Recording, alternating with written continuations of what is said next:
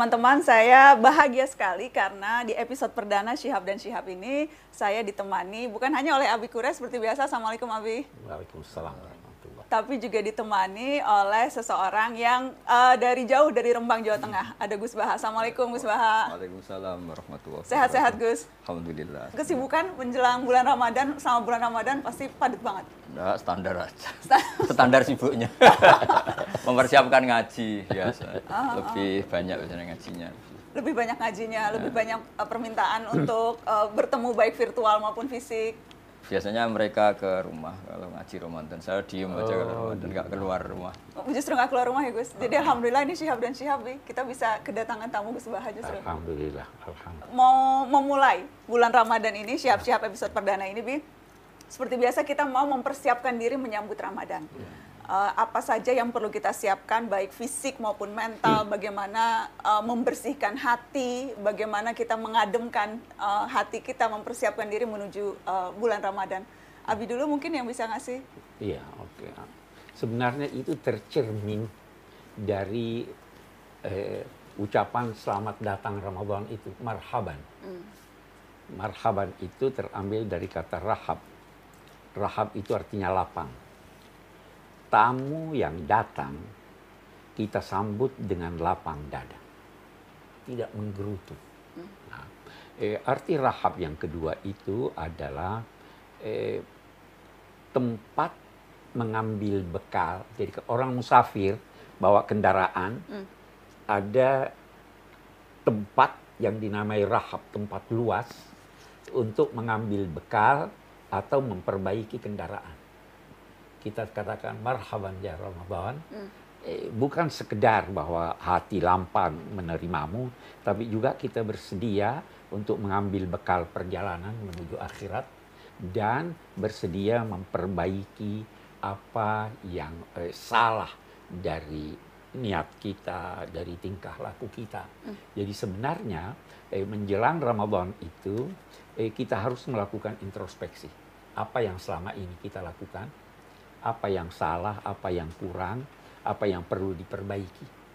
Itu saya kira Jadi ini bulan seperti untuk kita mengambil bekal, mengumpulkan bekal sebanyak-banyaknya bulan ini. mengambil bekal sebanyak-banyaknya dalam rangka perjalanan kita.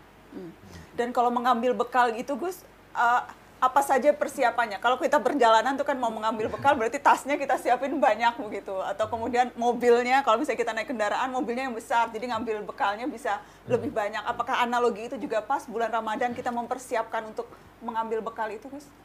Ya kalau tradisi di kami di pesantren biasanya kalau satu kiai ngajar kitab dua atau tiga kali setelah maktubah setelah sholat fardu biasanya kalau di Ramadan tuh full bahkan kadang habis sisa sampai dua kitab nanti habis subuh biasanya sampai dua kitab.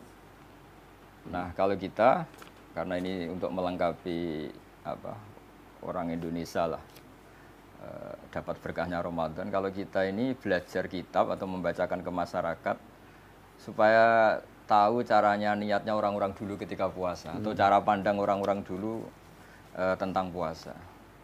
Di antara ijazah Mbah Maimun Zubair, guru kami juga ijazah Bapak itu kalau ngendikan sama masih ingat ihdinas siratal mustaqim siratal ladzina an'amta alaihim. Jadi kita tidak bisa soleh tanpa meniru orang-orang dulu. Kita tidak bisa baik tanpa niru orang-orang dulu. Karena di ayat itu Allah tidak ngendikan ihdinas siratal mustaqim tunjukkan jalan yang benar yang lurus jalanmu tapi jalannya mereka yang telah engkau beri nikmat. Jadi Allah menghendaki ini ada master-masternya seperti eh, Bapak Kures punya master Habibul Qadir Bil Faqih, saya punya master Kiai Haji Maimun Zubair. Nah setelah baca Fadailu Ramadan versi ulama-ulama dulu kita akan tahu cara pandang tentang Ramadan secara benar karena niru ulama-ulama dulu. Nah, di antaranya adalah paling tidak kita dengan puasa merasa lapar, betapa sakitnya orang-orang miskin yang lapar, terus merasa menghormati makanan karena begitu nikmat ketika puasa kita melihat makanan yang kita sepelekan ketika tidak Ramadan, ketika Ramadan spesial semua, bahkan air putih pun spesial, sekedar gedang goreng spesial. Dan itu hebatnya Rasulullah ketika muji Ramadan dengan hal-hal yang lumrah, yang wajar. Liso'im farhatani, farhatun inda iftori wa farhatun inda liqa'i rabbih. Jadi Nabi membayangkan manusia itu apa pun hebatnya, ternyata kebutuhannya pokok ya makan itu. Hanya ketika buka itu senang sekali, meskipun nggak punya mobil mewah, nggak punya uang banyak. Sekedar ketemu makanan tuh senang sekali. Nah, di sini kata tadi Pak Kures cerita sekedar menghormati makanan tuh ya tahunya setelah itu. Jadi benar-benar lukmah satu makanan sesuap pun sangat berarti. Sangat. Nah, di sini ada syukur yang luar biasa. Jadi nah itu kalau kita tidak baca beberapa literatur yang dikatakan ulama-ulama dulu mungkin kita Iya. tidak tidak tahu. Betul. Iya, eh, eh, Abi ingin garis bawahi apa Iya. yang dikemukakan Gus Baha. Eh, banyak sekali sebenarnya yang ini yang yang penting. Yang pertama niat ini. Boleh jadi niat kita eh, tidak se sebanyak apa yang diniatkan oleh orang tua-tua kita dulu. Ya toh? Heeh, Jadi kita gabungkan itu biasa. Ala niat kata apa kata wa ala manawahu salih. as-salafus salih. sesuai dengan niat gitu. Eh, Jadi itu berarti dan ini penting itu berarti ibadah kita kita gabungkan dengan ibadah yang lalu-lalu. Hah? Sehingga Allah memperlakukan kita bukan sebagai perlakuan eh, terhadap satu, tetapi perlakuan terhadap banyak.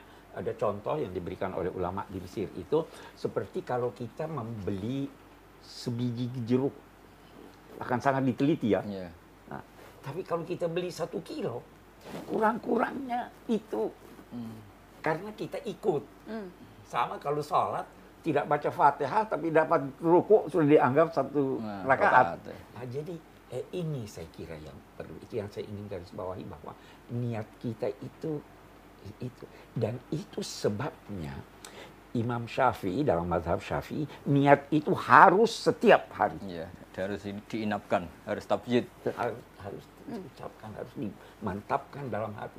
Karena yang menentukan nilai sesuatu itu niat bukan amal seseorang niat begitu ya Gus Ya, ya, ya? Ah, betul. Niat. Karenanya penting sebelum memulai beribadah, sebelum memulai Ramadan, niatnya harus diucapkan. niatnya harus diucapkan. Walaupun mungkin ya kalau kita berkata diucapkan tidak di- eh, pe- pengucapannya itu memantapkan apa yang di hati. Tapi niat itu harus dimantapkan di dalam hati. Bahwa saya akan berpuasa. Hari ini begitu. M- malam setelah buka kita introspeksi. Apa yang kurang ini kemarin apa yang saya janji mau lakukan ini kemarin sekarang niat memperbaiki apa yang kurang untuk meningkatkan sehingga kita mencapai suatu eh, tingkat yang eh, eh, diharapkan dari puasa ini.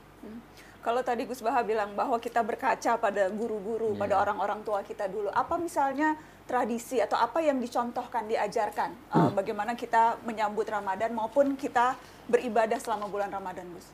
Eh, saya cerita yang satu yang serius, dua yang guyon. Tapi ini sama-sama penting dalam latihan berpuasa. Misalnya tidur ya.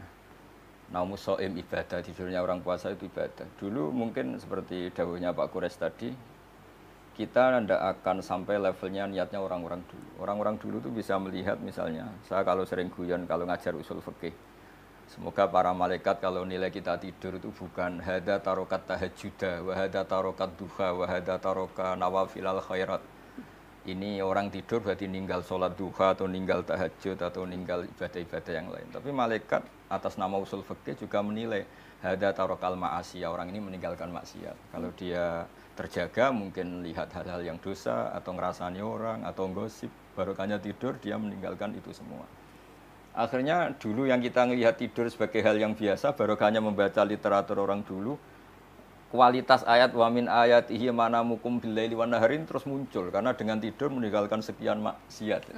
Nanti kalau dilihat para ahli kedokteran mungkin akan memuji itu sebagai roha, sebagai istirahat yang menjaga stamina dan sebagainya. Nah, barokahnya kita sebagai kiai baca, baca dan umat kita ajarin terus. Mereka akan tahu cara niat bahkan saat tidur. Sehingga dulu kita kalau puasa tuh senang sekali. Biasanya kerja tidak kerja biasanya apa tidur aja dibiarin. Yang dulu dianggap tidur jam 9 tuh buruk gara-gara semua kiai khutbah naumul soim ibadah. Ah, dimaklumin gitu. Nah cara makluminya gimana? Caranya tadi kita jangan berpikir negatif wah ini kok puasa kok udah baca Quran kok udah duha malah tidur. Tapi kita beri poin lah kalau ini tidak maksiat kalau ini meninggalkan hal-hal yang buruk apa hal yang ingin digarisbawahi dari sini sangka baik. sangka baiknya maksudnya Ya toh ya, betul sangka baik. Sangka baik. Allah. Itu inti dari keberagamaan dan akhlak adalah sangka baik. Sangka baik pada Allah, sangka baik pada sesama manusia. Bersangka baik.